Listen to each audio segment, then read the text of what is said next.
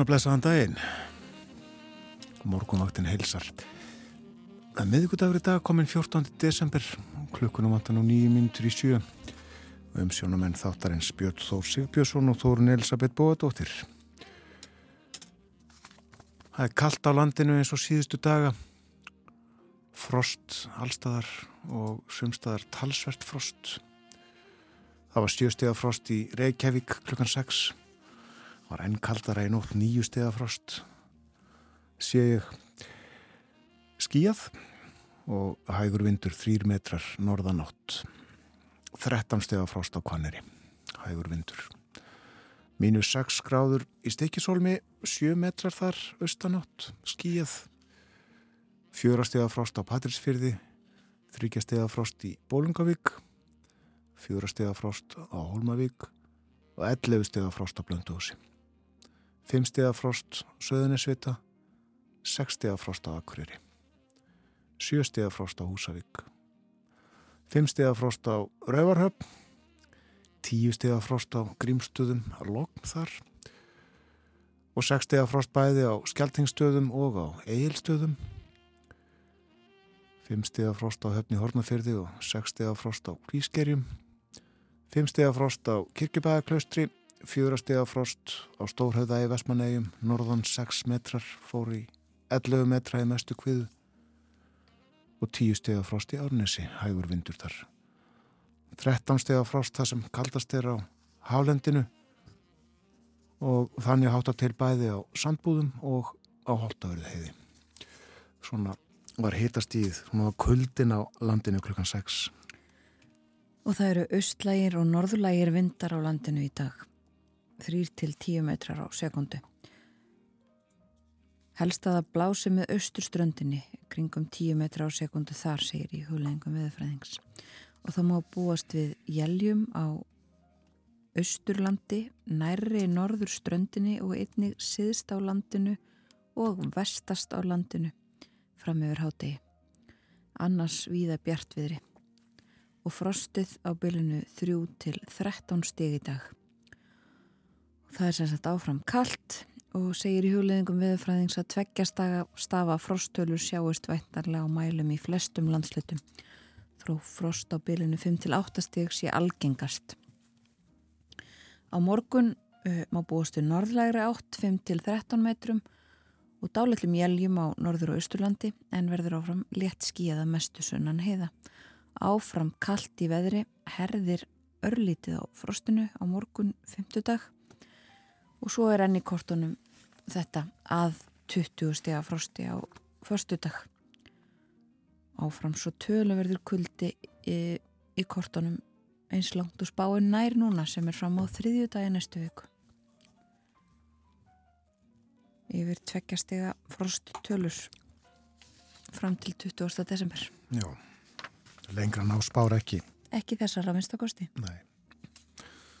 Og hálka líklega við það Já, það er áfram þetta vetrar veður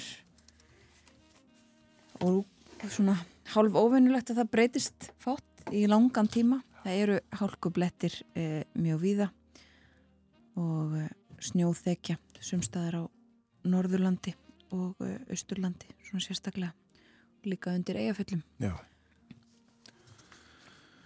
Það er ímislegt að daska hjá okkur í dag. Borgþór Argrimsson verður hjá okkur eftir morgunfrétnar klukkan 8 fjallar um dönsk málefni. Það tekist að mynda nýja ríkistjórn í Damörku.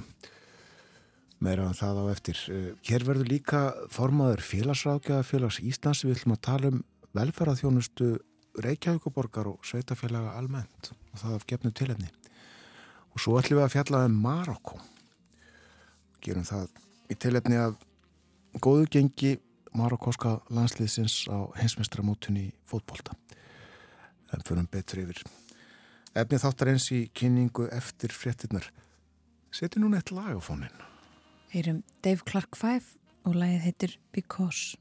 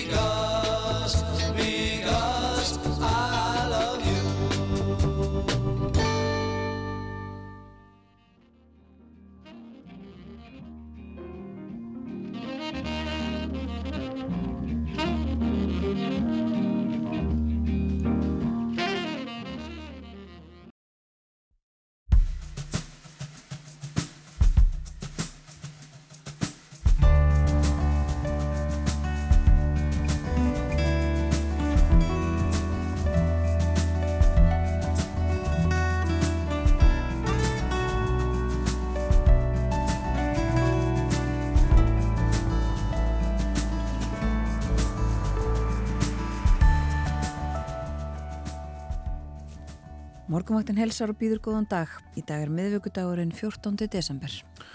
Og ymmislegt á daskra hjá okkur í þettinum. Til dæmis þetta, skjólstæðingar félagslegar þjónustu í Reykjavík eru aukandi. Það á að breyta núgildandi fyrirkomulegi til að spara peninga. Félagsráðgjöfum líst ídla á áforminn og óttast að þau hafi neikvæð áhrif á börn, ungmenni og aðra viðkvama hópa. Steinun Bergmann, formaður félagsrákja félags Íslandsverður hjá okkur klukkan halv átta og fyrir við stöðun á skildur sveitafélagi þessum efnum. Ný dönsk ríkistjórn er komin á koppin og verður kynnt formlega á morgun. Hún nær yfir miðjuna líkt og svo íslenska. Borgþór Artgrímsson fjallar um dönsk stjórnmál og fleira í, í spjalli eftir morgunfrettir klukkan átta. Marokko er það lið sem að komið hefur mest á óvart í hinsmeistrakeppninni í fótbolta. Marokko mætir Fraklandi í kvöldi undan úrslitum en Afrikuríki hefur aldrei komið svona langt á HM. Og við notum tilhetnið og fjöllum um Marokko. Til okkar kemur Dominík Pletil Jónsson sem þekkir vel til lands og þjóðar eftir fjölmarkar heimsóknir þangað með íslenska ferðamenn. Dominík verður hér klukkan hálf nýju. Umsjónumenn morgumvaktarinnar eru Björn Þór Sjöbjörnsson og Þórun Elisabeth Bóadóttir.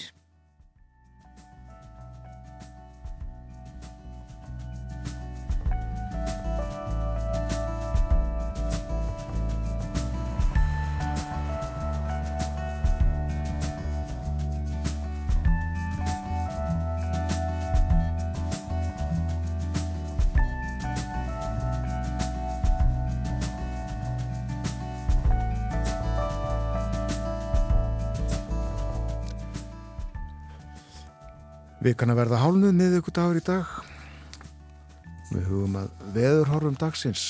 Það verður áfram kallt og þetta og svolítið hvað sumstöðar og snjókoma ekki satt þórun. Jú, við maður búast við jæljum á Östurlandi, nærri Norðurströndinni og líka siðst og vestast á landinu fram yfir háti. En eh, áfram kallt já, frostið í dag 3 til 13 stygg og austlægir og norðlægir vindar.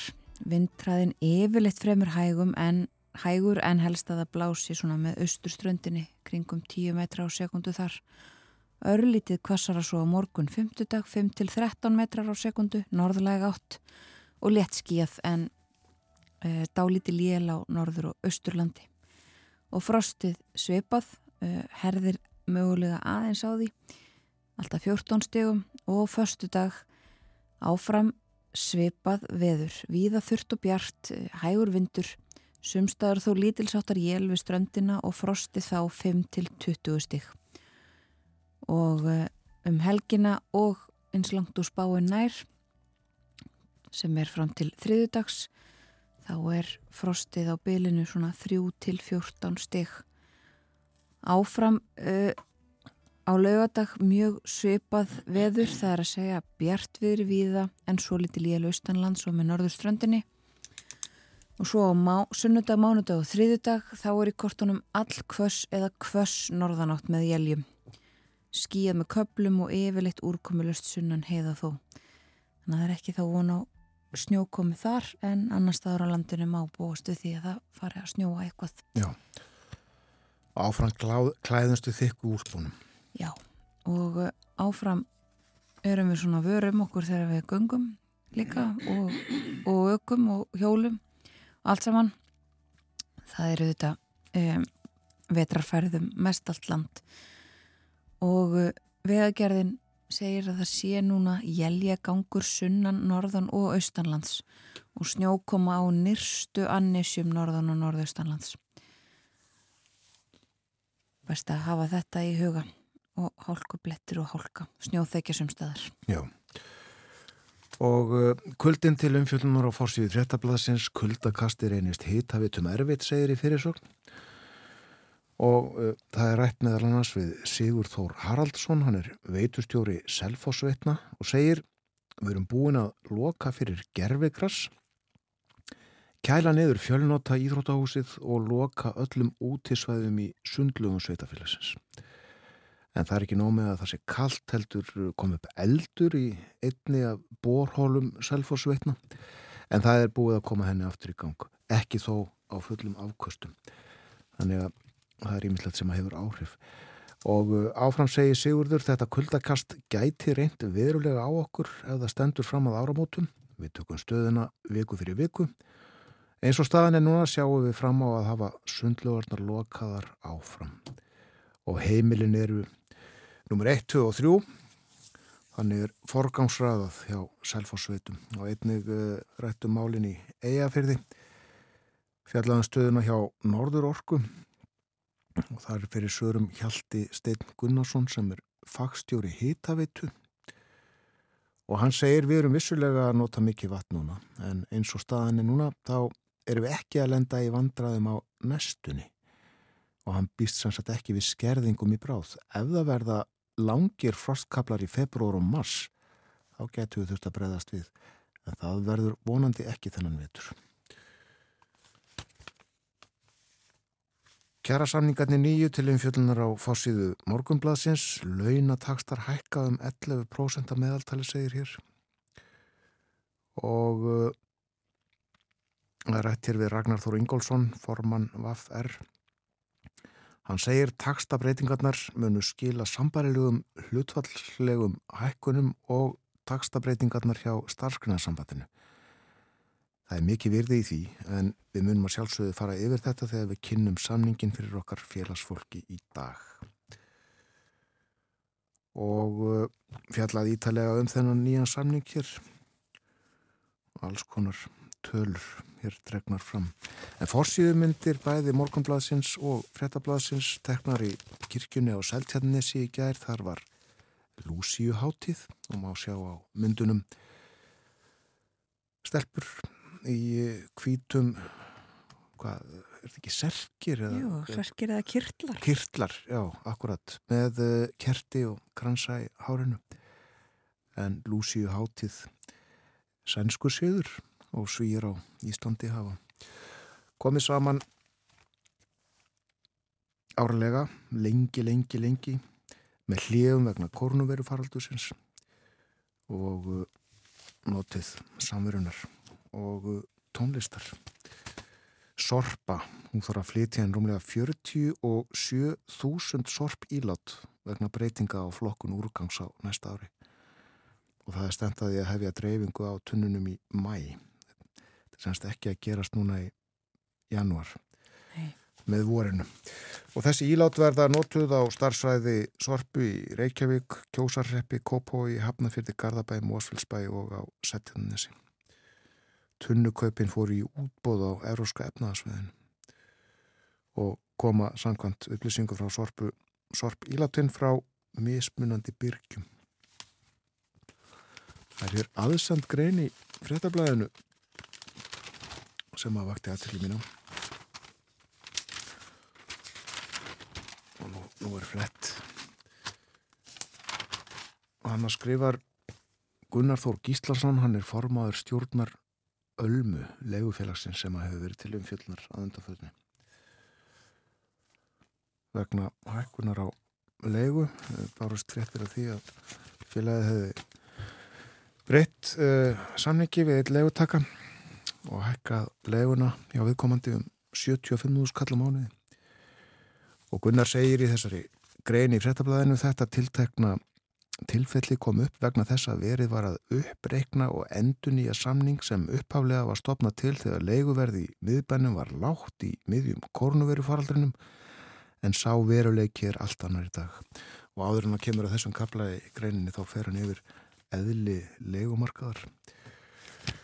Nú og uh, svo segir hann, enda þótt breytingin hafi verið fullkomlega eðlileg aðlugun að gjör breyttu markaðsverði í miðborginni skal eftir nánari skoðun fúslega viðkjönt að standa hefði mótt með nærgætnari hætti að tilkynningunni um nýtt leguverð þegar hækkunin var jafn mikil og raunbar vitni. Á því er byggðist afsökunar. Um leið vil ég upplýsa að við höfum nú þegar brúðist við vegna þessara mistaka og umræðunar sem skapaðist í kjölfarið. Og hvernig? Jú, við höfum endur skoðað verkferðla okkar. Þannig að við munum hérna í frá setja hækkunum leiguverðs við enduníun samninga ákveðin mörg, bæta upplýsingagjöf okkar og samskipti við viðskiptafinni og auka sveianleika þegar leigu taka okkar sem að vilja leita á önnur mið.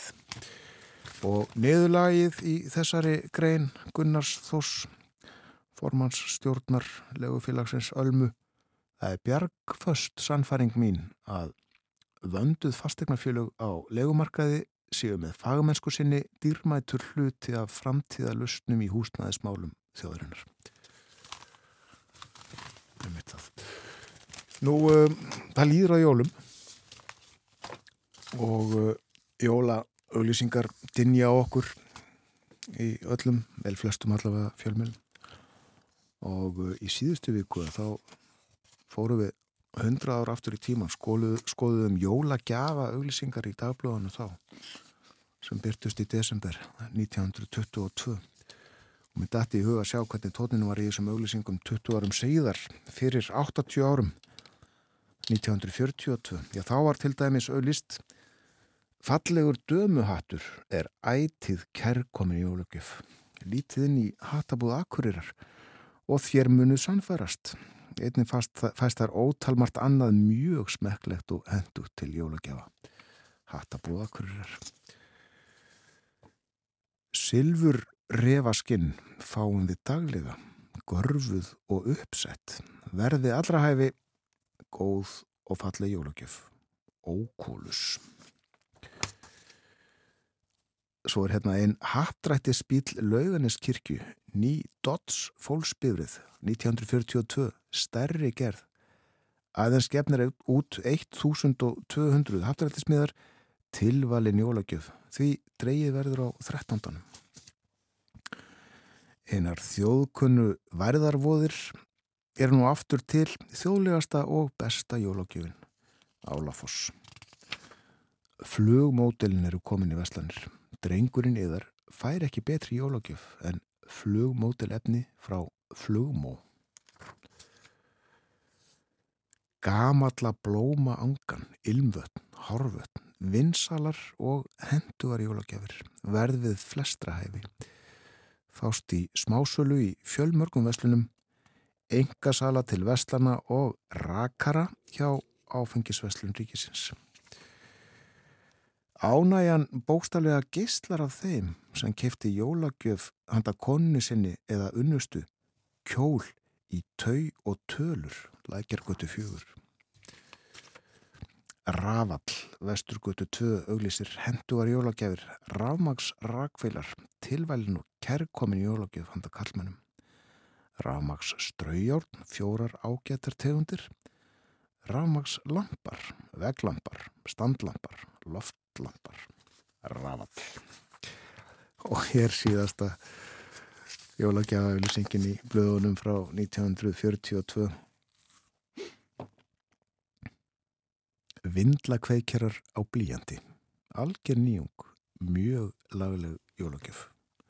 Bristol, bankastrætti 6 Og hlustum þá á jólalegt lag. Desember kveðja Sigurður Guðmundsson og Sigurður Torlasjö syngja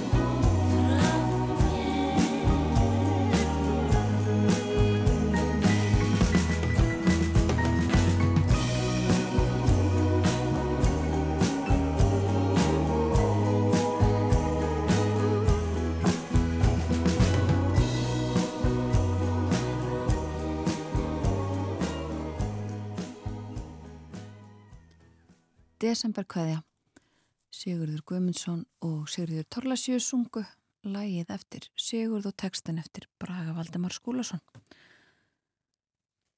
Og uh, við lítum aðeins út í heim. Við ætlum að geima danskar frettir þanga til á eftir uh, þegar Borgþór Artgrímsson sest hér hjá okkur. En ég ætla þó að nefna að það hefur verið búið til bladamannafundar í háttegin í dag í Danmörku þar sem að kynntar verður já, hvort það er stjórnar sáttmáli eða að vinstakosti verður verða kynnt svona einhver smáatrið í, í uh, samkominlægi millir þessara þryggja flokka sem ætla að starfa saman í ríkistjórn og uh, heyrðum í frettunum áðan frettir af uh, sprengingum í kænugarði í Úkrænu sagt frá því viða í frettum Erlendis. Í Breitlandi er, eru verkföll. Þau eru hafin hófust einhver verkföll í síðustu viku en uh, eru að ná hámarki í þessari viku má segja. Meðal annars uh, fólk í uh, postþjónustu og lestarkerfunum sem er í verkfalli og myndir viða í breskum fjölmjölum af því að, að það sé allt reynlega bara tómt í miðborgum og bæjum viða, verslanir og veitingastæðir vegna þess að fólk komist ekki á melli staða í lestum og verið sé að aflýsa ymsum viðbörðum og uh, þetta heldur áfram næstu daga. Uh, fjölmarkir sem eru verkvöldum á morgun og þá bætast við alltaf 100.000 hjógrunafræðingar í heilbreyðiskerfinu sem munu uh, ganga út á morgun í fyrsta sinn og hjógrunafræðingar hafa óskað eftir stuðningi þjóðarinnar. Það sé verið að gera þetta fyrir almenning að fara í verkvöld og uh, þetta eru stóru málin á, á bresku fórsíðunum mörgum. Og í bandaríkjunum er uh, fjallaðan um það að það er farið að hægja á verðbólkunni þar og vonast eftir mjúkri lendingu segir í fyrirsögn á fórsíðu New York Times. Við þekkjum það hugtak að hafðkerfin ái mjúgri lendingu. Mjög mikilvægt. Já, og uh, sem sagt hægði hraðar á uh, eða sagt, já, verbulgunni heldur en búist hafi verið við. Já, hvað teikn sem sagt á lofti þar. En það líður að yfirliti morgunfrétta og þá heyrum við væntanlega fleiri erlendar frettir eh, inn á milli en svo að eh, fretta yfirleitinu loknu þá ætlum við að ræða hér um, um eh, velferðamál í sveitafélögum, ekki síst hér í Reykjavík og Borg. Steinum Bergmann, formadur félagsráðgjöfa félags Íslands, kemur til okkar og fer yfir þau mál með okkur.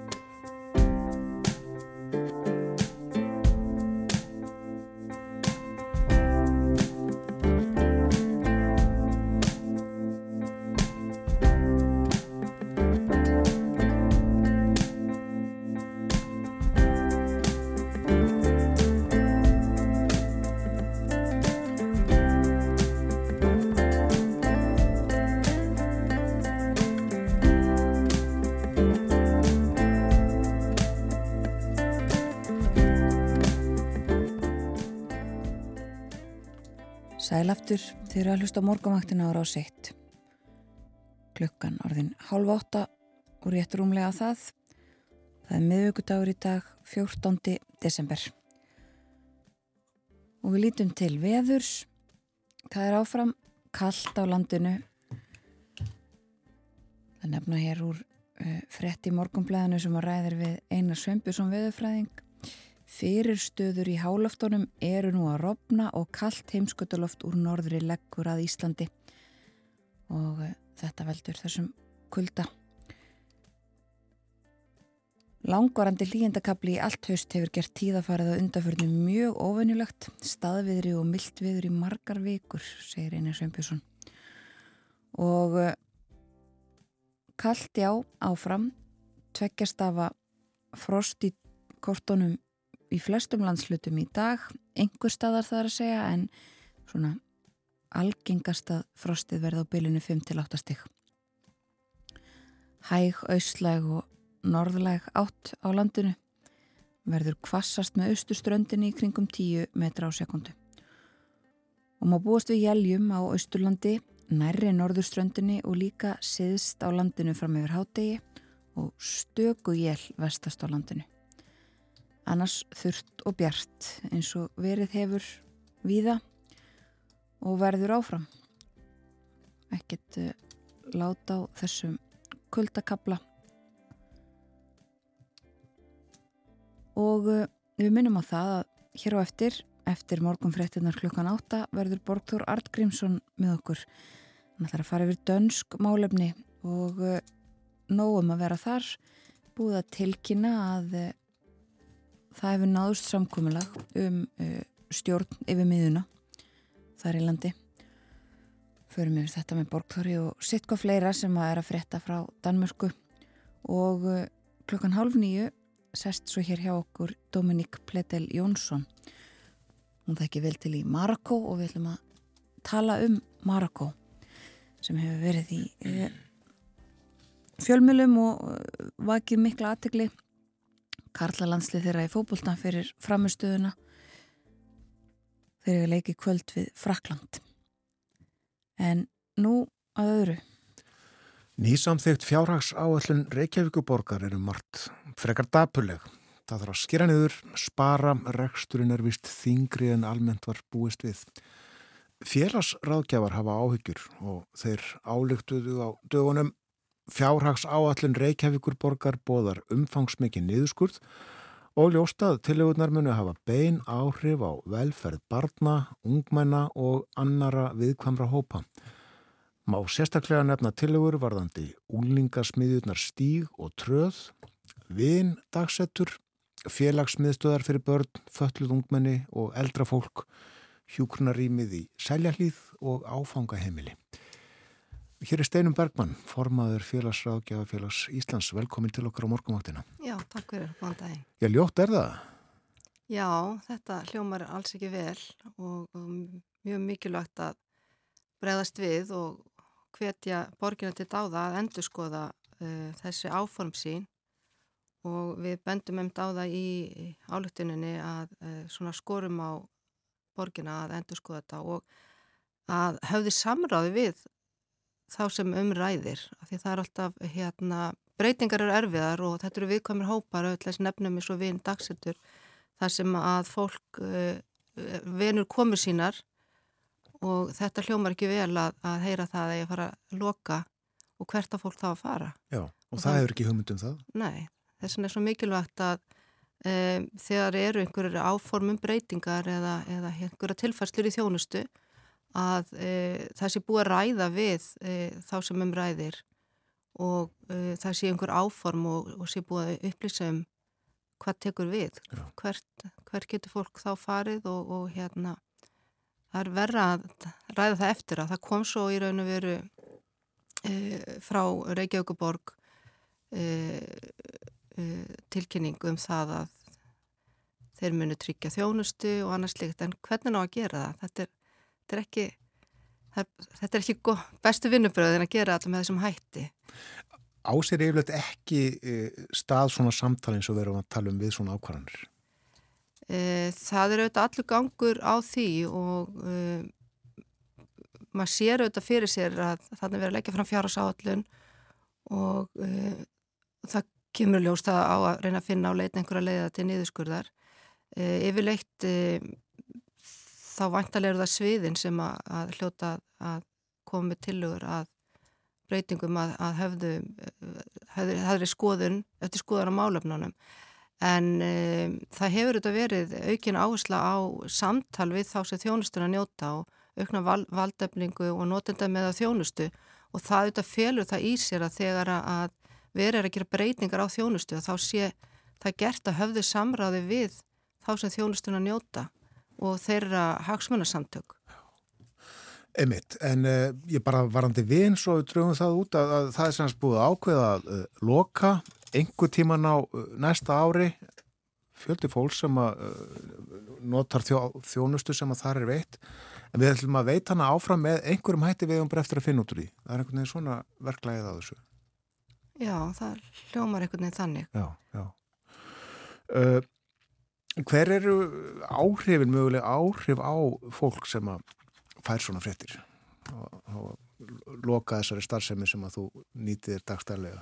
Já, það er auðvitað mikið óöryggi sem að í því fælst og, og hætt við því að fólk uh, já, þú veist ekki, er opið þegar ég mæti næst og fólk getur dreyið sig inn í, inn í skilina og, og afleðingar félagslegar einangrunar þær geta verið uh, mjög alvarlegar og svona félagsmiðstur er einmitt til þess fallnar að draga úr félagsleira einangrun og, og að fólk hafi eitthvað við að vera og komi og hitti aðra og síði samfélagi við annað fólk.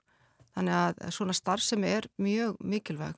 Eh, borgin er að reka félagsmiðstöðar vísvegar um borgina sem voru hér áður fyrr engungu fyrir eh, eldra fólk en hafa verið opnaðar öllum í raun og verið. Þær eru opnaðar, opnaðar fyrir alla sem að vilja koma en það getur þetta verið, e, þetta er allt öðruvísu umhverfi félagsmiðstöður sem eru opnað fyrir eldra fólk sem er vel e, fungerandi að maður má sletta og e, þeir sem eru að sækja eins og dagdöðinni vin að þetta eru fólk með e, geðrana áskoranir, margar með alvarlegar geðrana áskoranir og fólk finnur sér ekki endilega í því að fara inn í þetta, þessar almennu félagsmiðstöðar.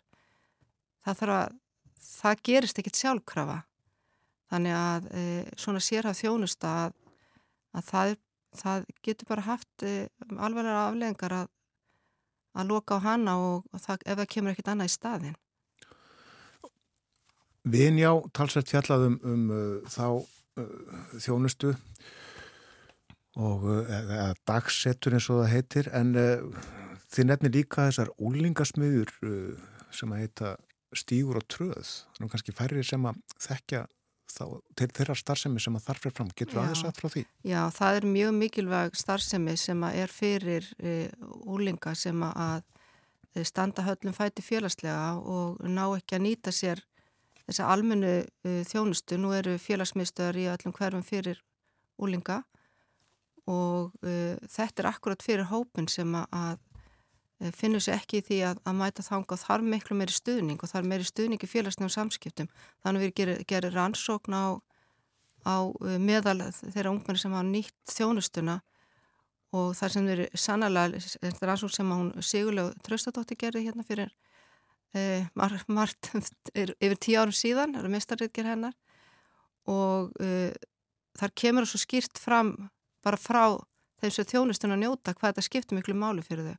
Það að hitta önnur ungmenni, fá tækifæri til þess að æfa sig í félagslegum samskiptum, e, vera þáttakandi í, og hluti af hóp, úlingar sem að hafa jáfnvel, já, derfitt með að, að sækja til dæmis Eh, það sem að skólinn hefur bóðið upp á eh, svona félagslega viðbyrði skólans og fá að hitta önnur ungmenni undir handlislu fullorðina og fá æfa sig og fá tækifæri til þess að, að prófa sig í, í alls konar eh, félagslegum aðstæðum uh, og finna það að þú getur þetta og, og skora, svona, skora sjálfa sig og, og, og ná árangri og þetta er bara mjög verðmætt og ég veit ekki hvað borginn hugsa sér því þetta er hópurinn sem ég segi sem ræður ekki við að fara í þetta, þessa almennu þjónustu sem er út í hverfunum ég veit ekki hvort að hugsunni sé að, að setja upp eitthvað sambarlegt í öllum hverfum en veit ekki hversu raun að það er að því þetta er eh, vonandi ekki það stór hópur að það sé þörf á sambarlegi smiðja því að þú ert með svona starf að eh, þú ætlar að eh, vinna með ungmenn í hóp, þá þarftu hóp. Þú vinnur ekki með einn, einn og einn einstakling og það er svona skiptirmáli þessi þjónustar sem hefur verið þvert á borginu og þessi sérhafa þjónusta fyrir börn sem að þurfa meiri stuðning heldur en, heldur en börn almennt. Og þetta er góð þjónusta eins og hún er veitt í dag?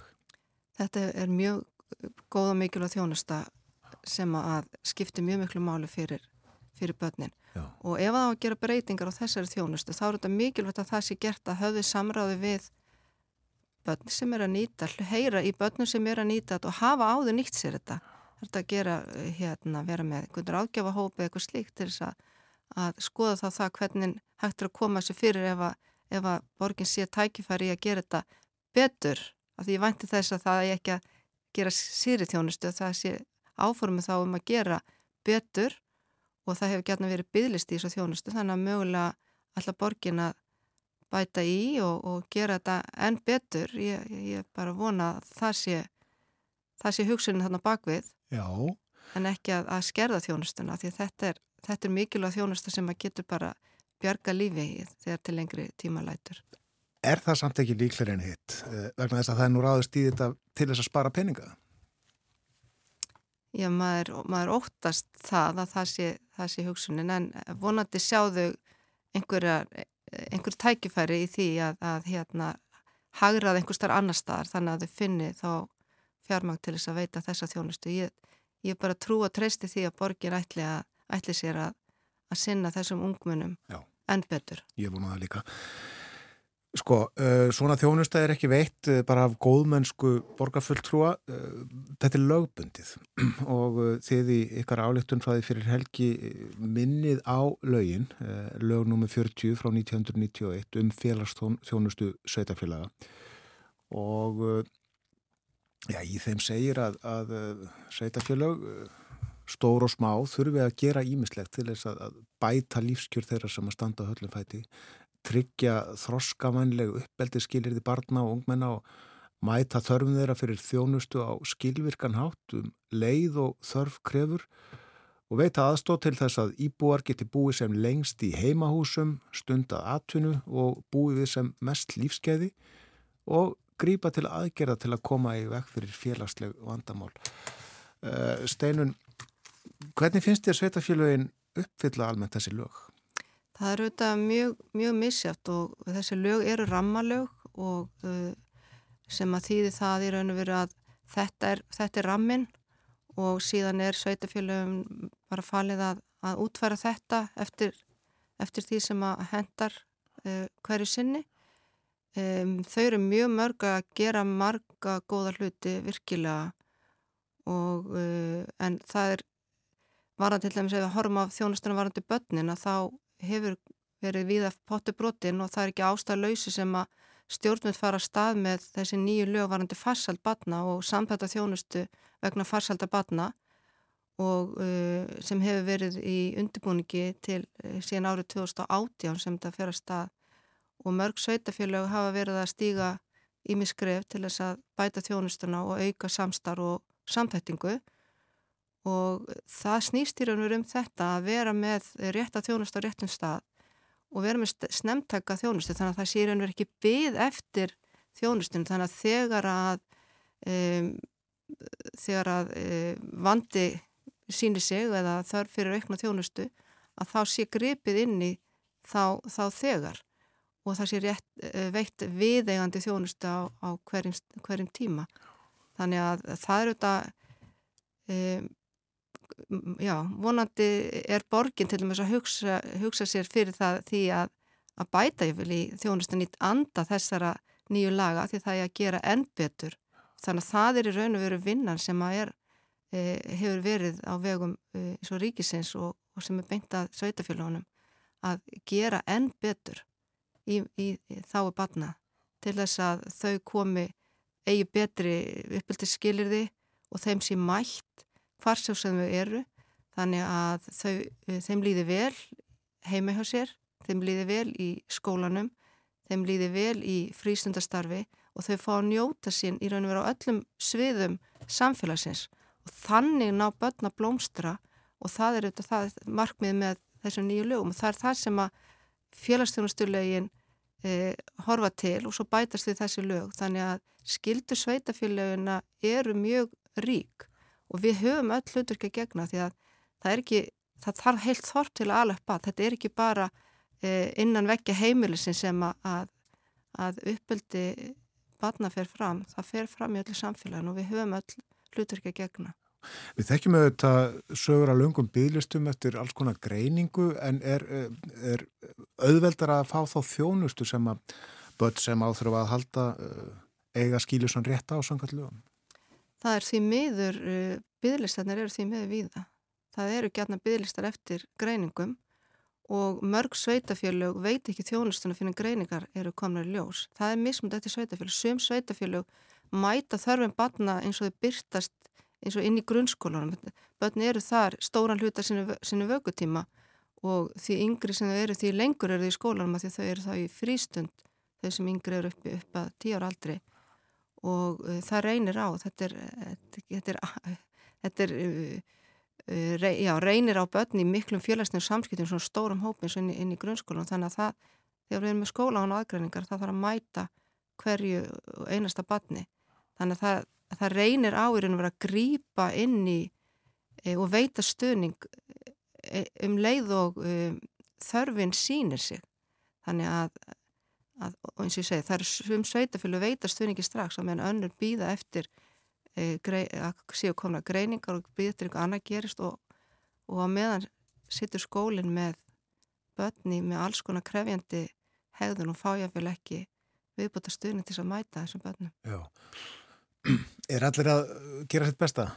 Það eru allir að reyna að gera sitt besta, já. Það eru allir þarna úti, allir sem koma að e, e málumni batna sem er að vinna inn í e, félagsstjónust, inn í sveitafélagunum, það eru allir að sannlega að, að gera sitt besta, já. en það er bara ekki alltaf nægilegt. Nei, gott, gott. Akkurat, uh, þetta kostar peninga og... Það, hlutinir er stundur svolítið erfiðir þegar þau kostar peninga já, það verður bara að segjast já. en uh, hér undir lokin Steinun, segð okkur aðeins frá uh, aðkomu félagsákjafa uh, að þessum, öllum, öllum þessum málum hjá sveitafélagum og, og ríki sem snýrað að bæði börnum og öðrum sem að þurfa aukna þjónustu.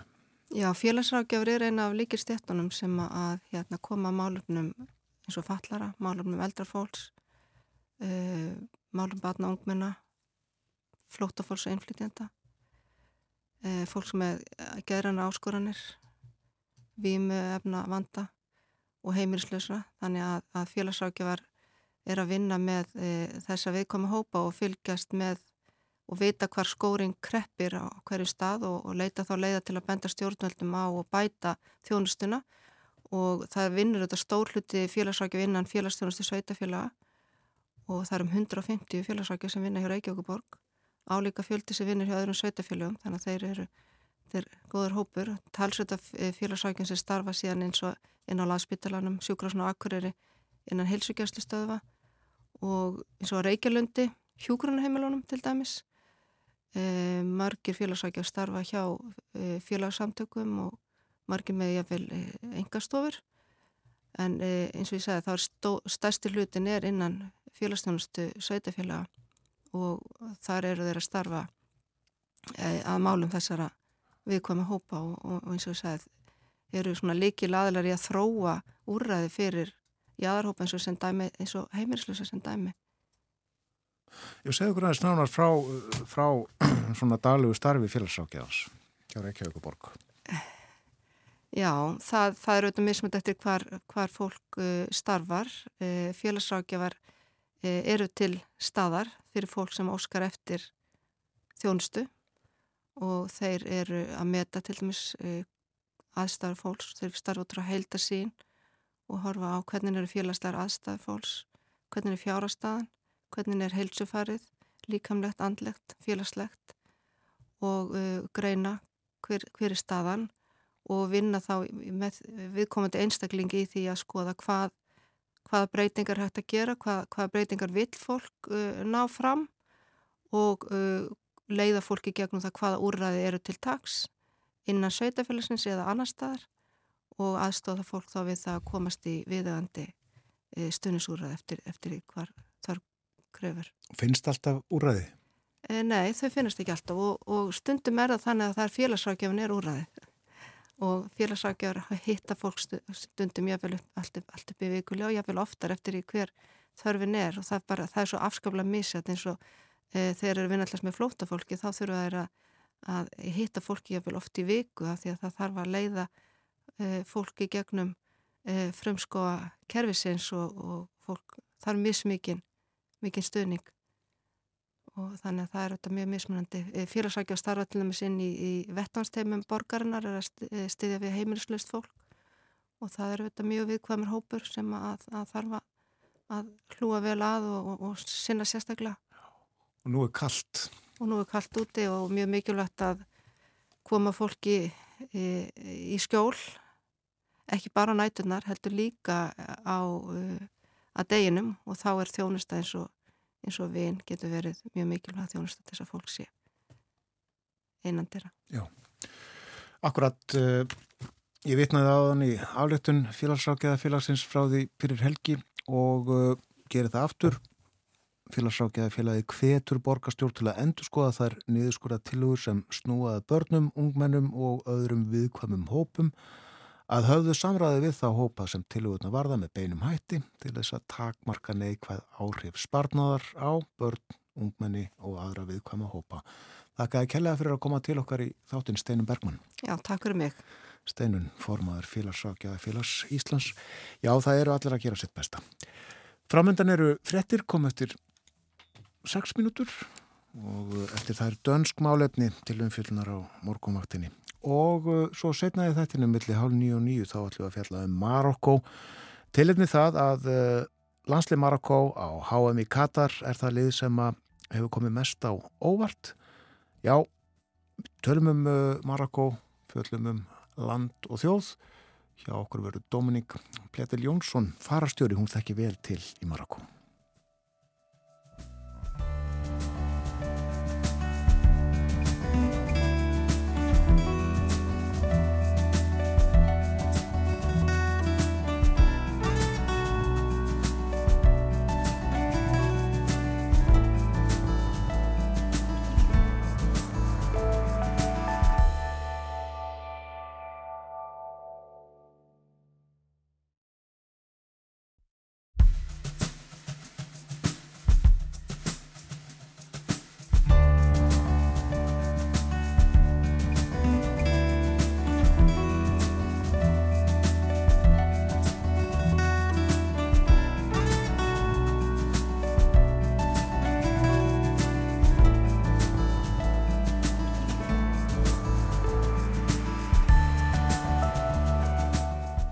aftur þegar það hlusta á morgunvaktina á rás 1 klukka núna 6 minútur gengin í nýju það er miðugut ár í dag. Komin 14. desember. Þú veist að finna dagblad dagsins til þess að reyfið þetta upp þessa dagsetningu. En uh, desember mánuður senn hálnaður og þessi vika einnig. Og uh, Eins og svo ofta miðugutugum þá ætlum við hér að fjalla um dönsk málefni næstu mínútur. Borgþór Argrímsson komin til okkar. Góðan dag, velkomin. Góðan dag. Við byrjum stjórnmálunum. Uh, Lóksins er uh, ný ríkistjórn að komast á koppin. Já, þetta er nú uh, orðin lengsta stjórnamynduna meðgang ef á soma orði komast held ég bara í sögu Danmörkur. 42 dagar og lengst af voru þetta fjóri flokkar í viðræðunum en radikali venstri þeir gengur úr skaftinu í gær og var greint frá því, töldu sér ekki geta tekið þátt í stjórninni og, og um, formaður flokksins eða leitói sagði að það strandaði á loftslagsmálunum og málefnum barna og áherslum í skólamálum Já. og það var til þess að þeir dróðs út úr þessu og taka semst ekki þátt í stjórnar samstarfinu en Metti Freyr sem greinti frá því svo í gerðkvöldi að, að uh, það hefði nást samkómula þetta er í þryggjaflokka stjórn venstri, jafnaðamenn og moderatenni og stjórnin hún hefur 89 þingmenn þannig séð í rauninni meiri hluta því að uh, samkvæmt lögum þá þarf hún ekki að hafa meiri hluta bara hún hafi ekki meiri hluta á móti sér og radikali venstri hafa líst í yfir að þeir munu ekki fella stjórnina. Það er með það. Þannig að þetta, þetta stefnir svona. Og þetta er uh, óvinnilega stjórn fyrir uh, þær sakir að hún er yfir miðjuna. Þetta er ekki annarkvort vinstri eða hægri stjórn eins og svo oft hefur verið í Damersku. Nei, það er rétt. Þetta er, þetta er stjórn yfir miðjuna og það er mjög langt síðan að það hefur gerst áður en það er mjög ára tugi síðan, 40 ár held ég. Já. Og þetta er náttúrulega ekki einfalt því að fyrir kostningarnar þá var það eitt helsta baráttumál venstri að það færi fram sérstökur rannsókn á mingamálinu og ábyrð Metti Freiriksen þar og ekki kemur til grein að fara með henni í stjórn að það var eitt helsta kostninga áherslu atrið hjá eh, venstri. Eh, Lars Lökke talaði alveg á sömu nótum en nú hafa þeir báðir söglað um og segja viðfásefni framönda síðu svo brína þeir hafi bara orðið að svíkja kostningalofurðin. Það er einmitt það. Og sko félagar í þessum tveimu flokkum sem að núna eh, setjast í stjórnu eru þeir bara sáttir sætta þessi við þessa kúvendingu? Þetta eru svik á kostningalóðum. Já, ég held að séu nú margir hundfúlir og þeir leina því nú ekkit svo sum en, en gera þetta svona með óbræði munni svo stundum en nú eh, sagt og danski stjórnmálskýrendur þeir hafa daldið svona að furða sig á því að þeir Jakob Ellemann og Lars Lökke skuli ekki leggja áherslu á sko varðandi þessa kúvendingu álitsker tveggja lögfræðinga sem að uh, telja það ótvirætt að það hefði ekkit upp á sig að draga metti freyri sem fyrir dóm. Þeir hafa ekki lagt til að neina áherslu á það, það sem að hefði að maður gæti haldi kannski verið afsökum fyrir því að þessari breyttu afstöðu mm -hmm. en, en stjórnmálaskýrutur hafa undrað sig á því að þeir hafa eiginlega ekkert talað um þetta. Og Lars Lökke á leiði í ríkistjórnuna sjálfur? Já, það er auðvitað aðtinglisvert uh, hvað honum hefur orðið ágengt sko, nýstofnaði flokku fjöxt 16 þingmenn og, og, þannig rétt að minna á það nefnilega að fyrir fjórum árum þegar hann var ennþá formað venstri þá lagði hann áherslu á það við mjög lítinn fögnuð sína flokksfélaga. Það, hann vildi brjóta upp blokkaskiptinguna í dönsku stjórnmálum þeir bara fussu og sveigiðu yfir þessu og en nú eru þeir sérst að fara í stjórnvestri og með formanninu fyrirverandi og jafnaðamönnum Stjórnarsáttmálinn verður kynntur í dag en stjórnin sjálf á morgun. Já, Já. það er að segja hverju verður á þeirra. Já, og það verður ekkert lekið út úr það, ég var nú að fara við blöðin og náðan, það verður ekkert lekið út úr það hverju það verða. Það verður spennand að sjá. Já, Já blaðmannu fundur í háttegin í dag, búið að búa hann og þeim tekst að draga þetta svona yfir nokkra daga og, og Eh, aðtikli allra fjölmjöla á þeim Já, já, það er, ég veit ekki hvað taktik það er en þetta er gert svona já. með þessum hætti. Og að því þú myndist á mingana áðan, það er ekki nómið að, að ný ríkistjórnum Danmarku verði svona eftir svipu eða sama minstri og hér á Íslandi heldur eh, danskir mingabændur þeir komu hinga til Íslands til að sækja sér minga til að hefja mingarakt og ný. Já, og þeir, það eru, eru talsverð hluti þeirra sem að eh, urða loka eða hætta sem ætla semst að byrja aftur en ekki næri allir samt. Nei. Já, við fylgjumst áfram með uh, dönskun stjórnmálum og sjáum á morgun hverjir setjast í ríkistjórnina og í hvaða ennbætti. Já. En uh, það hefur verið víða erfitt annar staðar en við stjórnamyndun. Uh, það hefur verið erfitt ár hjá Margreði Þórildi Danadrottningu og hennar fólki. Já, hérna, hallar sérfræðingar fjölmiðlana þessi að þetta sé erfiðasta ár bara kannski í hennar eh, valda tíð og um, þetta átti náttúrulega að vera svona fagnadar ár því að 14. janúar þá voru liðin 50 ár síðan að hún var drottning en þeim hátíðahöldum var frestað út af koronavirunni og, og í februar þá var meðri krónprinsessa 50 og Isabella prinsessa ferndist í april þetta var allt átt að vera mikið húlumhægi kringu það, það var ekki og þessi tímamót hefur nú verið ástæðatalinn til þess að svona fagna verulega en það var sem sagt voðalega lítið um það, svo tók annað ekki betra við. Í mæ þá síndi sjónvastöðun TV2 uh, þáttum heimavistaskólan Herlufsholm uh, Kristján Prins, sonur Meri og, og Friðriks, hann hefur verið þar í skóla og, og Isabella sem að ferndist reyndi vor, hún átt að setjast þar á skólabekki í haust. Og í þessum sjónvastætti var afhjúpað að í skólanum á Herlúsólm þar hefur viðgengist einelti og ofbeldi og alls konar svona lítilækandi framkoma innan nefndahópsins og þessi þáttur vakti alveg gríðarlega aðtigli og, og Mary Krónprinsessa hún hefur nú beitt sér mjög gegn einelti Þannig að um, þetta, svona, þetta var sko fréttamál marga, marga, marga daga. Já, og það eru börn uh, fína, fína fólksins í Danmarku sem er í þessum skóla ekki satt? Jú, og ríka fólksins, ef að það er fína fólki líka. Já, það, Já, það þykir svona fínt að stunda að nám og, og margir danir þeir undruðust að, að krónprinspari skildi nú senda börnin þanga því að þau hefðu áður stundað nám í venjulegu skólum, skulum við segja, og við, viðbröð þeirra hjónana, krónprins hjónana, þau voru voðalega klöðvaleg. Þau fyrst ætluðu að býða eftir einhverju rannsókn sem ætti að gera á skólanum sem að TV2 var náttúrulega í raunulega búið að gera sko.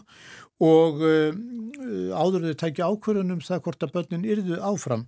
Og þetta var mjög klöfalegt, svo letið ekki ná í sig sem er líka mjög klöfalegt og ekki til þess fallið að vekja tröst en um, loks í júni, tveimu mánuðum eftir að tæpum eftir að þátturum var síndur þá tilkynntuðu þau að börnin yrðu ekki í þessum skóla framvegis. Og þetta var ekki allt, svo voru hátíðahöldin sem átti að haldi í september vegna 50 ára valdatíðar Margret og Þórildar þeim var frestað vegna fráfalls Elisabetta drottningar. Þannig að, að þetta, þetta var nú svona og svo náttúrulega kom þetta með börn uh, Jóa Kims Já. þegar hún tilkynnti það drottningin í loks eftir að þau eru ekki, þeir fengi ekki að nota titlana prinsar og prinsessur það var mikill háað út af þessu, þetta fór illa Jóakim. Já, hann fór í fíl út í maður Já, já, já, já. Marki töldu þetta sína óeiningu í fjölskyldunni, áður var það bara Henrik drottningamæður sem einstöku sinu var í fílu og allir aðri kátir en núna var þetta einhvern veginn öll fjölskyldan og, og hún var svona mörgum tali frekar klauvalegi í þessu máli drottningin, hún hafði ekki verið búin að tilkynna þetta og svona ræða þetta eitthvað við börnin sín og, og þau þannig að það verður mjög spennandi að heyra hvaða tökum hún tekur þetta í ræðunni á gamláskvöld. Alveg rétt. Nú skulum við færa okkur um sett og minnast aðeins á fisk. Það uh, bárust gleði fréttir til danskra sjómanna í gær. Það, það má með sanni segja. Uh, í fyrirnótt eftir marathónfund, marathónfundir er tískast núna mikið, mikið tekið eins og sagt er, uh, þá náðu Evrópusambandslöndin samkomlagi um fiskveiði heimildir næsta árs og danskir sjómið þeirra var nú ríka ástæði til að gleyðjast yfir því samkomulagi því að þorskkvotin í Norðursjó og Skagerek hann verður aukin um 63% sem er náttúrulega mjög mikið. Já. og sjómenn hafa haldið fram að undarförnu, undarförnum 2-3-4 árum að þorskstofnun á þessu svæði hann hafi stækkað mjög mikið. Og nú hafa semst vísindamenn staðfest að þetta er rétt og það hefur nú ekki verið mikið um gleði tíðindi af dansku sjómönnum á síðust ára verið mjög erfitt víða og er það náttúrulega á mörgum svæðum, eistrasaltinu meðal annars, en e, þetta er sem sagt mjög ánægilegt og gleðjast allir yfir þessu. Það var mikið húlumhægi hörpu í Reykjavík á lögutaskvöldið, Evrósku kveimdavelunin voru veitt og einu velun í það minnst að fóru til Danmarkur. Já, Slató Búrik, hann fekk verðlunin sem besti leikarin fyrir leiksinn í, í Triangle of Sadness. Slatko hann er króati, hann er lærðu leikari en hann er líka með háskólaprófi í félagsfræði og, og sálfræði, flutti til Danmerku 1981 en, en gekk ekki vel að fá vinnu sem leikari. Hann, hann, er nú, hann er nú þannig gerður bara svona líkamlega, hann passa nú ekkit í allt og svo náttúrulega glýmdan við það í Danmörku að, að vera ekki sem sagt með tungumálið á hreinu til að byrja með. En hann vann meðal annars við uppvask á veitingastöðum um árabil. En hann vakti svo fyrst verulega aðtikli í kvikmyndinni Pusser 1996 en hann hefur líka leikið á sviði, ég sá hann sjálfur á sviði konunglega fyrir nokkrum árum í, í My Fair Lady og mjög skemmtilegu leik þar. Föður Elísu sem er skemmtilegt hlutverk og hann skilaði með miklum sóma, hann hefur mjög sterkan hreim og um, það bara kemur ekkit að sök, hann, hann er í slíkum hlutverkum mikið. Já, og Danir ánaði með sinn mann. Þeir eru mjög ánaði með hann og ég held, að, ég held líka að, að sko, króatar og aðri svona útlendingar í Danmarku, þeir, þeir gleyðjast mjög við þessu að, að það er ekki svona einhver algjör reyntungu stefna ef að svona orði komast í gangi. Nei, akkurat. Og áfram með uh, menning og listir, það er komið að danska lægi dagsins og uh, þú sjálfsögðu valdur jólalag. Já, lag dagsins, það er eitt vinsælasta jólalag Dana, Sikken, Volsom, Trengsel og Alarm heitir það. Læðir austurist, það lýsir þessu sem öllu þessu anriki alltaf fyrir jólinn. Þetta læðir austurist, það er samið að manni sem hétt Adolf Müller á 1833 en Pítur Faber hann gerði danska tekstan 1838. Hann hefur gert marga teksta við, við mörg uh, vinsæl jólalög. við spilum hérna í fyrra hóit frá Tresgrönu topp og þar, þar er líka ljóðið eftir Pítur Faber. Já. Það er Erik Porske tekstu leikar á sinni tíð sem syngur. Ég ætlaði að nefna það að þetta hafa fjölmarkir flutt í gegnum árin. Já, ég, ég held að við, þegar ég slóði þessu upp, ég held að við komum miskosti 20 mismunandi útgáður að þessu, en ég valdi sérst Erik Póske. Tekið upp uh, 2004, má ég segja. Já, og einhver sérstök ástæða fyrir því að valdi þessa útgáður? Nei, ekki 2004, 84. 1984, já, já. já. Einhver sérstök ástæða fyrir því að valdi þessa útgáður? Nei, mér erst bara Píti eh, eh, eh, Póski er náttúrulega mjög þekktur sko söngvari og, og það var svona daldið hreint, maður getur skilið textan. Já, hlustum. Kæra þakki fyrir kominu dag, Borgþór Argrímsson. Takk som leiðis.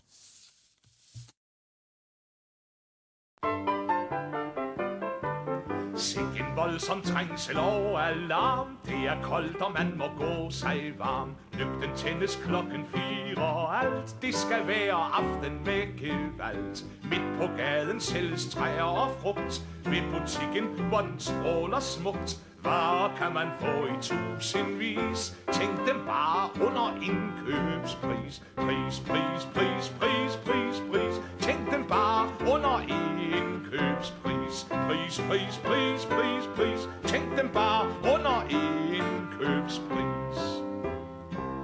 Håndværksmanden han må holde her. Kunstneren har også sit besvær Og hans værker spredes trindt omkring. Takket være hornemanden og ben. Man er kunskabsvæsenet daglig ser At poeterne bliver flere og flere. Selv min lille bly for frosne fugl Kvidrer med i dag, for det er jul Jul, jul, jul, jul, jul, jul. Kvidrer med i dag, for det er Jul, for det er jul. Pynte smukt af en usynlig hånd Står træet der med lys og bånd. Døren åbnes, og man strømmer ind. Kredsen sluttes med begejstret sind. Børnene de hopper rask afsted Bedstefader han er også med. Lad os tage del i deres sang. Brødre vi var også børn en gang. Gang, gang, gang, gang, gang, gang. Brødre vi var også børn en gang. Gang, gang, gang, gang, gang. Brødre vi var også børn en gang. Juleaften, åh, hvor er du sød, så skal alle folk have rissen grød. Æbleskiven bliver flittig vendt, gåsestegen er tilbage sendt. Bunden sidder tidligt ved sit fad, sikken guds velsignelse af mad. Lænkehunden selv får dobbelt sul, den skal også vide, det er jul. Jul, jul, jul, jul, jul, jul, den skal også vide, det er jul, jul, skal også vide, det er jul. Når man ikke er en doven krop, står man julemorgen tidlig op. Klokken kimer, gaden er så glat, kirken lyser i den stille nat. Indenfor er sang og festlig fred, og man føler sig så vel derved. Allerhelst når præknet ikke duer, til så får man sig en lille lur. Lur, lur, lur, lur, lur, lur, til så får man sig en lille lur. Lur, lur, lur, lur, lur, til så får man sig en lille lur. Opad dagen går man byen rundt Trækker vejret lidt, det er så sundt. Alle folk er i den nye stas. Men om aftenen er der fin kalas. Gud velsigne den, der først opfandt. Det at lege jul og give pant. Unge pige, lad os lege skjul. Giv mig kun et kys, det er jo jul. Jul, jul, jul, jul, jul, jul. Giv mig kun et kys, det er jo jul Jul, jul, jul, jul, jul Giv mig kun et kys, det er jo jul du som sendte os den skønne fest Hvad der både os, det ved du bedst. Dog jeg har det håb, at før jeg dør Du ej nægter mig en vis favør. Drej kun universet helt omkring Men kun op og ned på alle ting. Jorden med tit, den er falsk og hul. Rør blot ikke ved min gamle jul. Jul, jul, jul, jul, jul, jul. Rør blot ikke ved min gamle jul. Jul, jul, jul, jul, jul. Rør blot ikke ved min gamle jul. Erik Paske söng vinsælt og þekkt danst jólalag Borgþór Argrímsson valdi eftir spjall okkar um dansk málefni þar sem við töluðum með um stjórnmálin. En uh, komin er mynd á nýja danska ríkistjórn Já, tók 42 daga myndana uh, ekki tekið jafnlangan tíma uh, bara nokkuð tíma eða allavega ekki lengi lengi? Það held ég ekki og líka önnur tíma móti því að um, það er meiri hlutastjórn, það þarf að segja já, ekki minni hlutastjórn í fyrsta sinni nokkra áratugji og uh, þetta verður þryggja flokka stjórn uh, jafnaði menn venstri og móti ratarna sem að mynda hana. Stjórnar sáttmálinn verður kynntur í dag og svo verður ríkistjórnin sjálf kynnt á morgun. Við fylgjustu þetta með því. Já. sjáum hver taka sæti í þessari nýju ríkistjórn Aldrei að vita nema við eh, nefnumst dönsk stjórnmál aftur í fyrramáli þegar Bói Ágússon verði með okkur eh, heimsklökin hálf átta í fyrramáli. En eh, eftir fréttaðið litið sem að kemur eftir fimm minútur þá ætlum við að fjalla um Marokko. Tilefnið eh, gott gengi Marokkoska liðsins á heimsmeistramótinu í Katar. Við ætlum að spjalla um land og þjóð hér á eftir. Sæl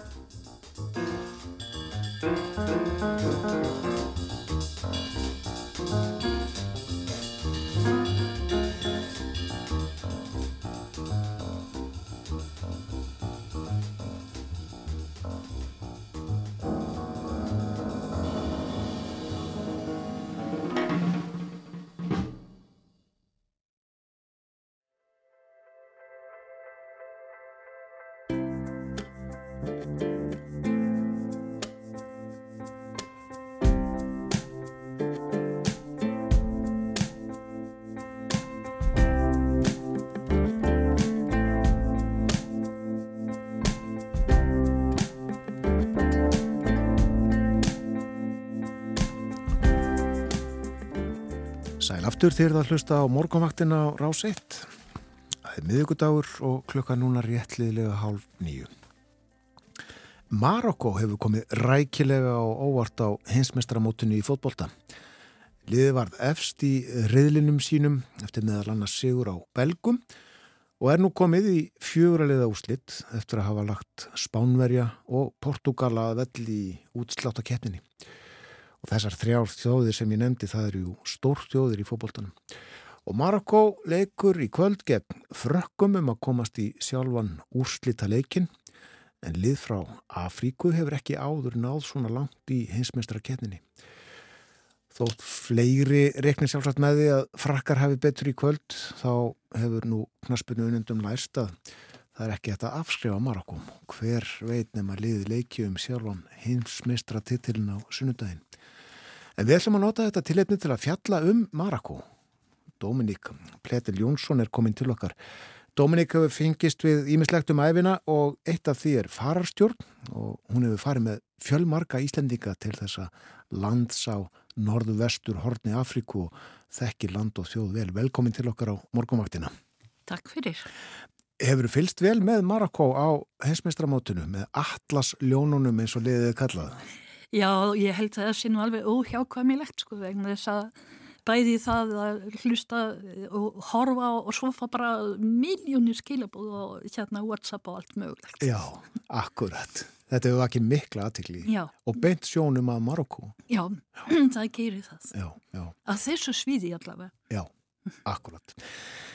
En við ætlum að uh, fóröfnast um þetta land og þjóðina og uh, segja okkur nú allra fyrst, uh, hvenar fóst þú fyrst til Marokko? Ég held að það var fyrst eh, 1984 en lónsan vinir mínir sem eh, hérna byggu hér um tíma fluttu svo til eh, Marokko og ég var á milli starfa og tók börnin undir hendina og fór bara til þeirra í hérna, já, nokkra vikur og fórum út um allt og þetta var, vel bara allt annað land en uh, er í dag. Já, hefur margt breyst þar á, á síðustu áratugum. Já, algjörlega, já, já, mjög svo. Það öllu liti í uh, samfélagslega uh, hérna, og bara landið er meira opið en var en grunnurinn er alveg svo sami. Já, og heitlaðistu strax við fyrstu kynni? Já, ég verði alveg að viðurkenna það og hérna hispuslaus, ég gerði það og uh, það var að vissu svona bakgrunnur, svo veist mamma fættist í Alsýr og ég ólst upp við hennar sögnuði af Norður Afríku og, og hérna hita og, og uh, ljósið og, og allt saman þannig að hún sáði eitthvað í mér sem vaknaði alveg með og ég steg þarna niður í, í Marokko. Já, já. Og uh, síðan hefur farið þarna margsinnis og oft með Íslandinga. Já, ég var að hérna, reyna að regna út. Ég held að ég hef fyrir milli fjögur og 500 manns sagt það hérðan til Marokko á þessum eh, hérna rúmlega tíu árum sem eh, ég hef farið. Þannig Íslandingar eru uh, spenntir fyrir þessu landi. Já, og mér hefur fundist að þú veist að það er sama með að sáir hérna fræ og svo vex þetta og uh, þetta, er svo góður lærdómur, þú veist að hérna þetta er sennilega aðgengasta uh, aðgengilegasta landið úr hérna Íslamlöndunum. Þannig að eh, hérna maður, þú veist, einhvers konar undir vernd frá íslenskri farastjórn og þá er mikið auðveldar að kynnast og, og, og átta sig á til dæmis að landið er mikið umburða lindara en maður heldur. Já, og framandi en á mjög góðan hátt. Sem gefur manni mikið og, og allir komum bara heimistjórnur í augunum. Já, einmitt. Sko það er stutt á milli eh, Marokko og Spánar Já, og mikil Einmitt. þetta milli uh, Marokko og Frakland sem við ætlum nú að fjalla þessum meira en uh, er Marokko samt allt, allt öðruvísi heldur en þessi lönd? Algjörlega, já. Algjörlega vegna þess að hérna, það er mjög ríkur minningar arfur sem kemur alveg, veist, frá Bagdad og, og, og hérna miðausturlundum þess vegna að einhverju liti og, og, og svo bara það sem var á staðunum berba fólkið sem er betra að kalla amalík en eh, berbar, berbar kemur frá barbara sem rómverjar notuðu.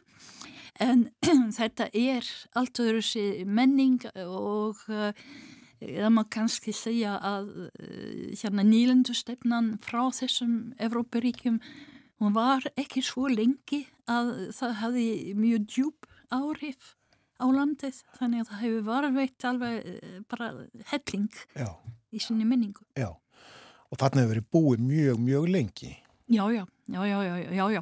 Ég, ég man ekki nákvæmlega svist en eh, berbar hérna koma frá hérna frá öst, norðaustur kannski hérna Afríku og, og hafa lagt grunninn og svo bara sagan er gríðarlega rík og, og fjölberitt. Hvað einkennir uh, Marokko?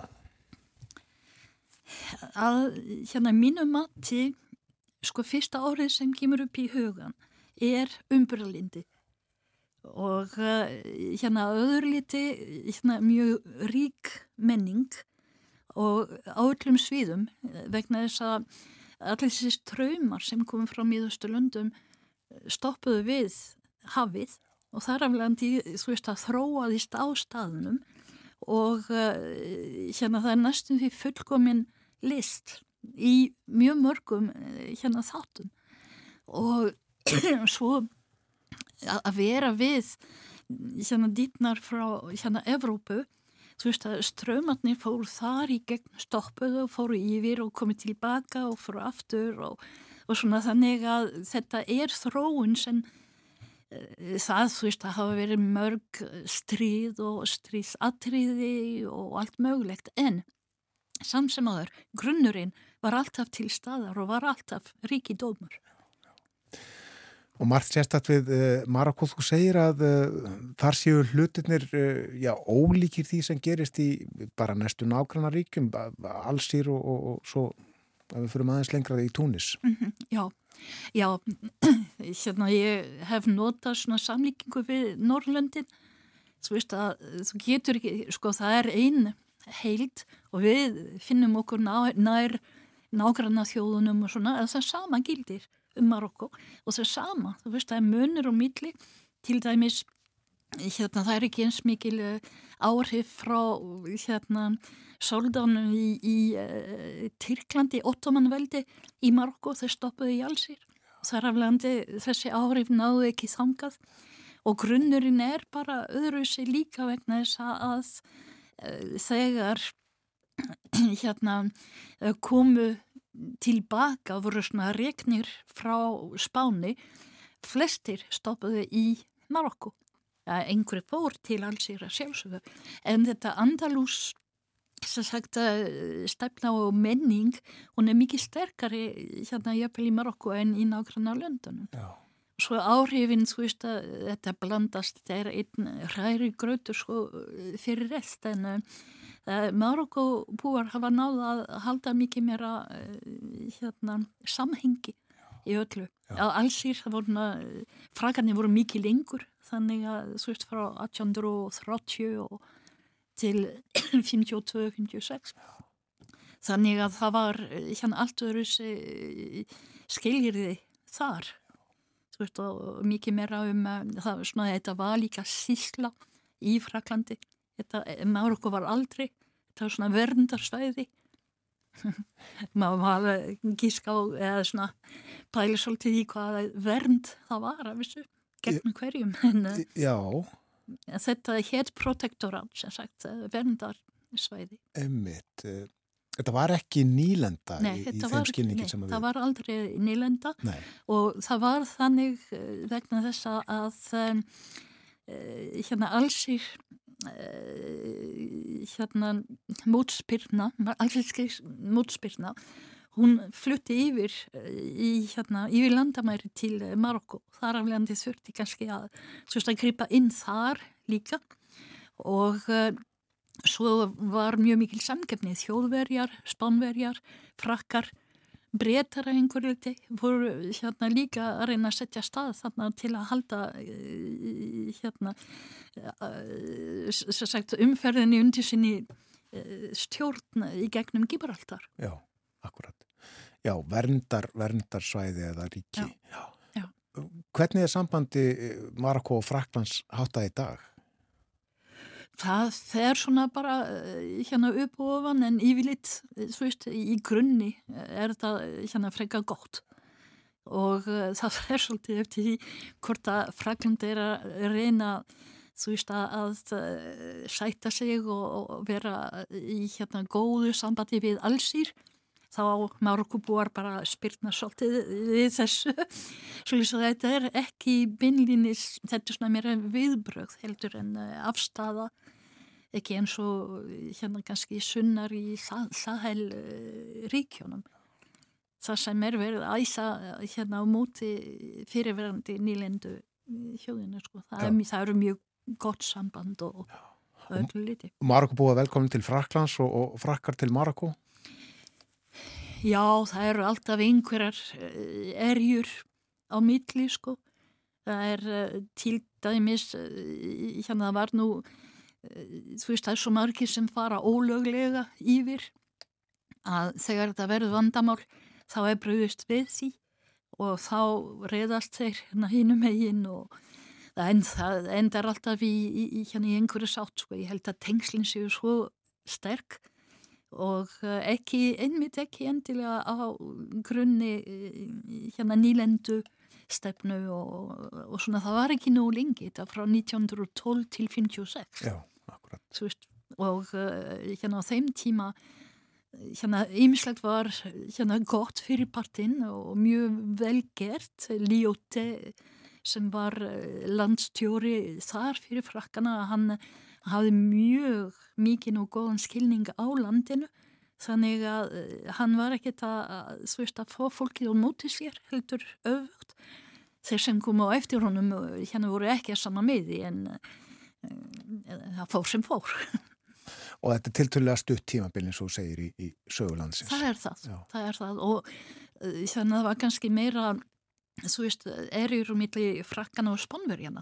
Spánverjar ætluðu sér að sitja bara um Marokko og þess vegna er ennþá Ceuta og Melilla hérna á norður hérna luta og var það sem er í dag vandamálið og heita Kartaplan sem er hérna Vestu Sahara Einmitt. sem var kallað spænska Sahara Og það er konungur í Marokko? Það er konungur í Marokko, já, já, sem, sem stjórnar með þinginu. Já, og er uh, fólk heldur alveg svona samilega við þetta fyrirkomulag?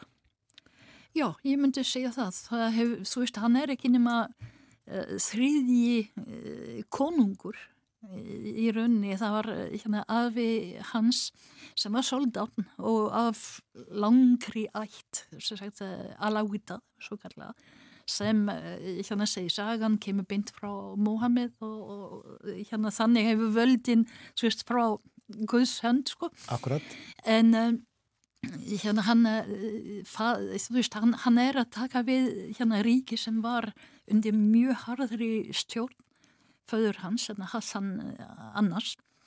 En hann er nútíma típan og hann hefur átt að segja á þú veist hvernig heimurinn í dag hérna er. Og hann er, hann er vinsæl og uh, hann hefur gert góða hluti, hann hefur gert ímislegt í sögluta landsins og þú veist og viða og auðvitað eru vandamál sem er ekki auðvelt að lesa og lesast kannski með tíma og, og, og tækverðin en hann, hann er vinsæl og ég held að Marokkobúar séu alveg sáttir. Já Það er mikilvægt að konungar séu þokkalega vænir menn.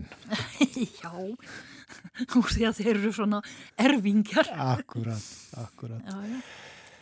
já við uh, þekkjum nokkrar borgir í Marokko, uh, Marrakes auðvitað og uh, svo er hérna Rabat og, og Fes og, og svo er það Casablanca og hún hefur nú yfir sér svona æfinn til að ljóma og það skýrist náttúrulega ekki sísta kveikmyndinni. Mæliru með, með því að fólk heimsækja Casablanca? Ég er svolítið að báðum áttum. Ég veist að Casablanca er, hún, hún er þægileg. Þetta er, en þetta er svona mjög vestræn borg. Þannig að þú ert þar, þú getur verið í Suðufraklandi eða í Barcelona þess vegna. Og uh, það er hérna hitt og þetta sem er virkilega þess verði að hérna heimsækja. En uh, myndin var ekki nýstinni tekinn þar. Hún var ekki tekinn þar nefnilega. og það er einhver sniður sem setti upp hérna barinn með rétta nafnið en það er bara, hefur ekkert með í sjálfsér myndina að gera. Nei. Það sem er kannski aðtílisverðast er hérna þessi rísa moska sem hérna var reist sem Hassan Annar létt reisa og sem er gríðarlega falleg og uh, þess verið að kíkja á vegna þess að þetta er eina fáum moskum sem hættir að kíkja í, sem sagt að fara inn Já. ef þú ert ekki muslimi og svo bara annars er hérna lífið þú veist þetta er sömu hérna sömu búðirnar og þú vinnur í kringlu eða smáralind þess vegna sko. Það er nefnilega það, já En með, með hvaða borgum þá eða bæjum mælurum? Ég held það, það er svolítið munur á milli norður og syður og uh, margir íslningar hafa farið veist, frá Spáni yfir til Marokko í dagsferð uh, til Tangier. Og oft lendi því að það var rænt eða eitthvað svona á þeim tíma. Það er að þessu emistu búið núna. En uh, þú veist, ef þið langar í að fá, að fá algjörlega kultúrsokk, þá er þetta Marrakesh. Hún er, eh, hérna, þó að hún sé nú orðin ansi uh, þétt setin af uh, hérna túristum sem stoppa í, þrjá daga og svona, um leiðum að bara lappa aðeins út fyrir, þá ertu komin í, í þúsund og einan ótt sko. Og uh, hún gefur sig ekki endilega auðveldlega en uh, hún er gríðarlega skemmtileg og, og gefandi það maður svona fer innar. Og svo uh, hérna af öðrum borgum Rabat er vola róleg. Þetta er höfuð borgin og nútíma hún er, hérna, hún, er, hún er bara falleg og hún tengist okkur hérna Íslandingum vegna þess að Tyrkja ránið 1627 það var farið frá borgina sem er hinum yfir ána í, í Rabat hérna sem heitir uh, Sali og uh, sjóræningarnir höfðu aðstöður þar og inn í Kaspat í uh, Rabat. Já, já, já. og þeir voru að vinna fyrir hérna soldanin sem sagt í Allsýr en þeir fóru frá hérna Sali í Marokko og margir íslendingar urðu eftir þar í Kasbæinu sem sagt og svo að því lit til tengist þetta okkur hérna líka svolítið Já, leikur strengur hérna mellir Sali og, og Vestmanæja Já, það Já. gerir það og Grindavík og Grindavíkur, akkurat, akkurat. Já. Já, Marrakesh og uh, Rabat frekar en Casablanca Já, Já, ég myndi segja það þú veist að hérna allt í góðu að taka einn dag í Casablanca áliðinni heim það þér kannski oft auðveldar að fljúa þangað Já. en hún er, hún er mjög vestræn og hún, hún, er, hún er fín, það er ekkert að borginni Nei. ég var með fordóma þangað til ég fór hann að síðast Er ekki ægilega gott að borða í Marokko? Jú, það er einmitt eitt af því sem, hérna, sem var hérna, eftir veist, og, og þróaðist ástæðanum frá hérna miðurstöldum og á tímabili og ég held að það meinu alveg segja að þessi ennþá. Það var talið vera svona þrýðja fjóruða besta eldúsið í heiminum. Og eftir, það voru frakkar að segja þetta. Og eftir hérna, Frakland, Kína og, og svona. En uh, hérna það hún, hún ja, matreyslan og, og matvælin eru hérna virkilega í hávegum höfð, algjörlega. Eða þarna alls konar grittu þetta sem að Já, en það er, betra, hérna, svolítið ofta er miskilningur vegna þess að það er ekki sterkur matur. Nei. En svona kryttin sem maður finnur, þú veist, þetta er, hérna, þetta er kúmin, þetta er, hérna, meis, svo kallað, það er umskatt, það er engifer og svona, en ekki chili, til dæmis, það er vola lítið, þá er þetta sett hérna við hlýðinu og heitir harisa og þá er þetta logandi heitt en það er ekki í grunni hérna í matnum og, og þú veist það er hérna líka mat, þessi matur hann er, hann er mjög hann er mjög góður helsulega vegna þess að þetta er hérna langsóðið kjöt og mikið að garmiti, mikið að salat og, og mikið að ávöxtum vegna þess að landið er bara einfallega hérna mjög göfult. Já, akkurat þurfum ekki aðeins að tala um vín hér í blálokkin, þú er sérstaklega áhuga á vínum og þekkingu. Þeir gera vín í Marokko? Já, já, já, já. En gera það og, og alveg eins og í, í hérna, Alsýr og Túnís. Það er bara kvarf úr Alsýr, sem sagt. En uh, það voru rúmverjar sem kom með þetta, sem uh, byrjuðu að rækta uh, hérna, vínviðin, sem sagt, og, og, og brukka vín.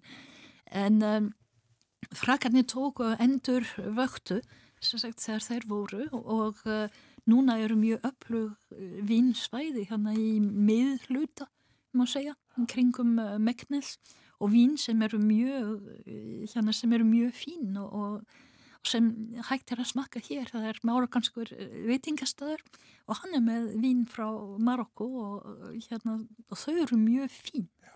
Þú veist, þetta, auðvitað er það ekki þrúur hérna sem eru frá landinu og, og svona framandi en þetta er mjög vel gert og mér að segja einn hérna vingunum minn sem býr þar og er í sommelier samtök, vinþjónu samtök fyrir heiminn hún býr þannig í Rabat og hún er búin að stopna vinþjónarsamtök í Marokko þannig að þetta hefur líka hjálpað til. Já, það er einmitt það. Dominík, uh, þú ert fransk Já. og uh, elskar Marokko. Ég sé hvað þú ætlar að segja. Með hverjum heldur í fókvallalegnum í kvöld? Frakland, Marokko. Ég ætla ekki að halda með neinu, þó að kannski killar aðeins meira þú veist að halda með Marokko. En hérna, mér langar að sjá bara góðan leik Já. og ég held að það verður bara góðu leikur og það er kannski það sem er aðal atriði þessu, þetta er leikur, það má ekki glima því. Ah, gott ég að rifja Já, það upp. það Minna það. það. Já, já, þetta er leikur. Ef ekki segja bara eins og stundum er sagt með betra liði vinna. Nákvæmlega, þetta er kundir. Þakka að kellega fyrir að koma til okkur hinga á morgunvaktina, Dominík, og segja okkur frá Marokko. Takk fyrir mig. Og Dominík Pletil Jónsson, síðasti gestur þáttarins þennan morgunin. Já, þessu er lokið hjá okkur. Við verðum auðvitað aftur áfærðinni í fyrramálið. Morgunvaktinu dags frá alla virkadaga. Bjóðum góðan dag þegar klukkuna vantar um það byrj tímyndur í sjö. Þá verðum meðal annars á efniskráni heimsklukkin. Bói Ágúrsson sest við hann og við minnum á að hann hefur fært sem sett. Er klokkan hálf átta núna. Ekki óleglegt að dönsk stjórnmál komi kannski eitthvað við sögu. Það verður kynntur stjórnarsáttmál í dag og ríkistjórn á morgun. En við þökkum samfélgina, minnum á ykkur sem er að fara út að uh, þykka úlpan. Það er hún sem blífur í dag, það er kallt. Húu á höfuðuð og hanska á hendunar. og þá er fólki allir vegi færir. Þakkum samfélgina í dag, njótið dagsins og verðið sæl.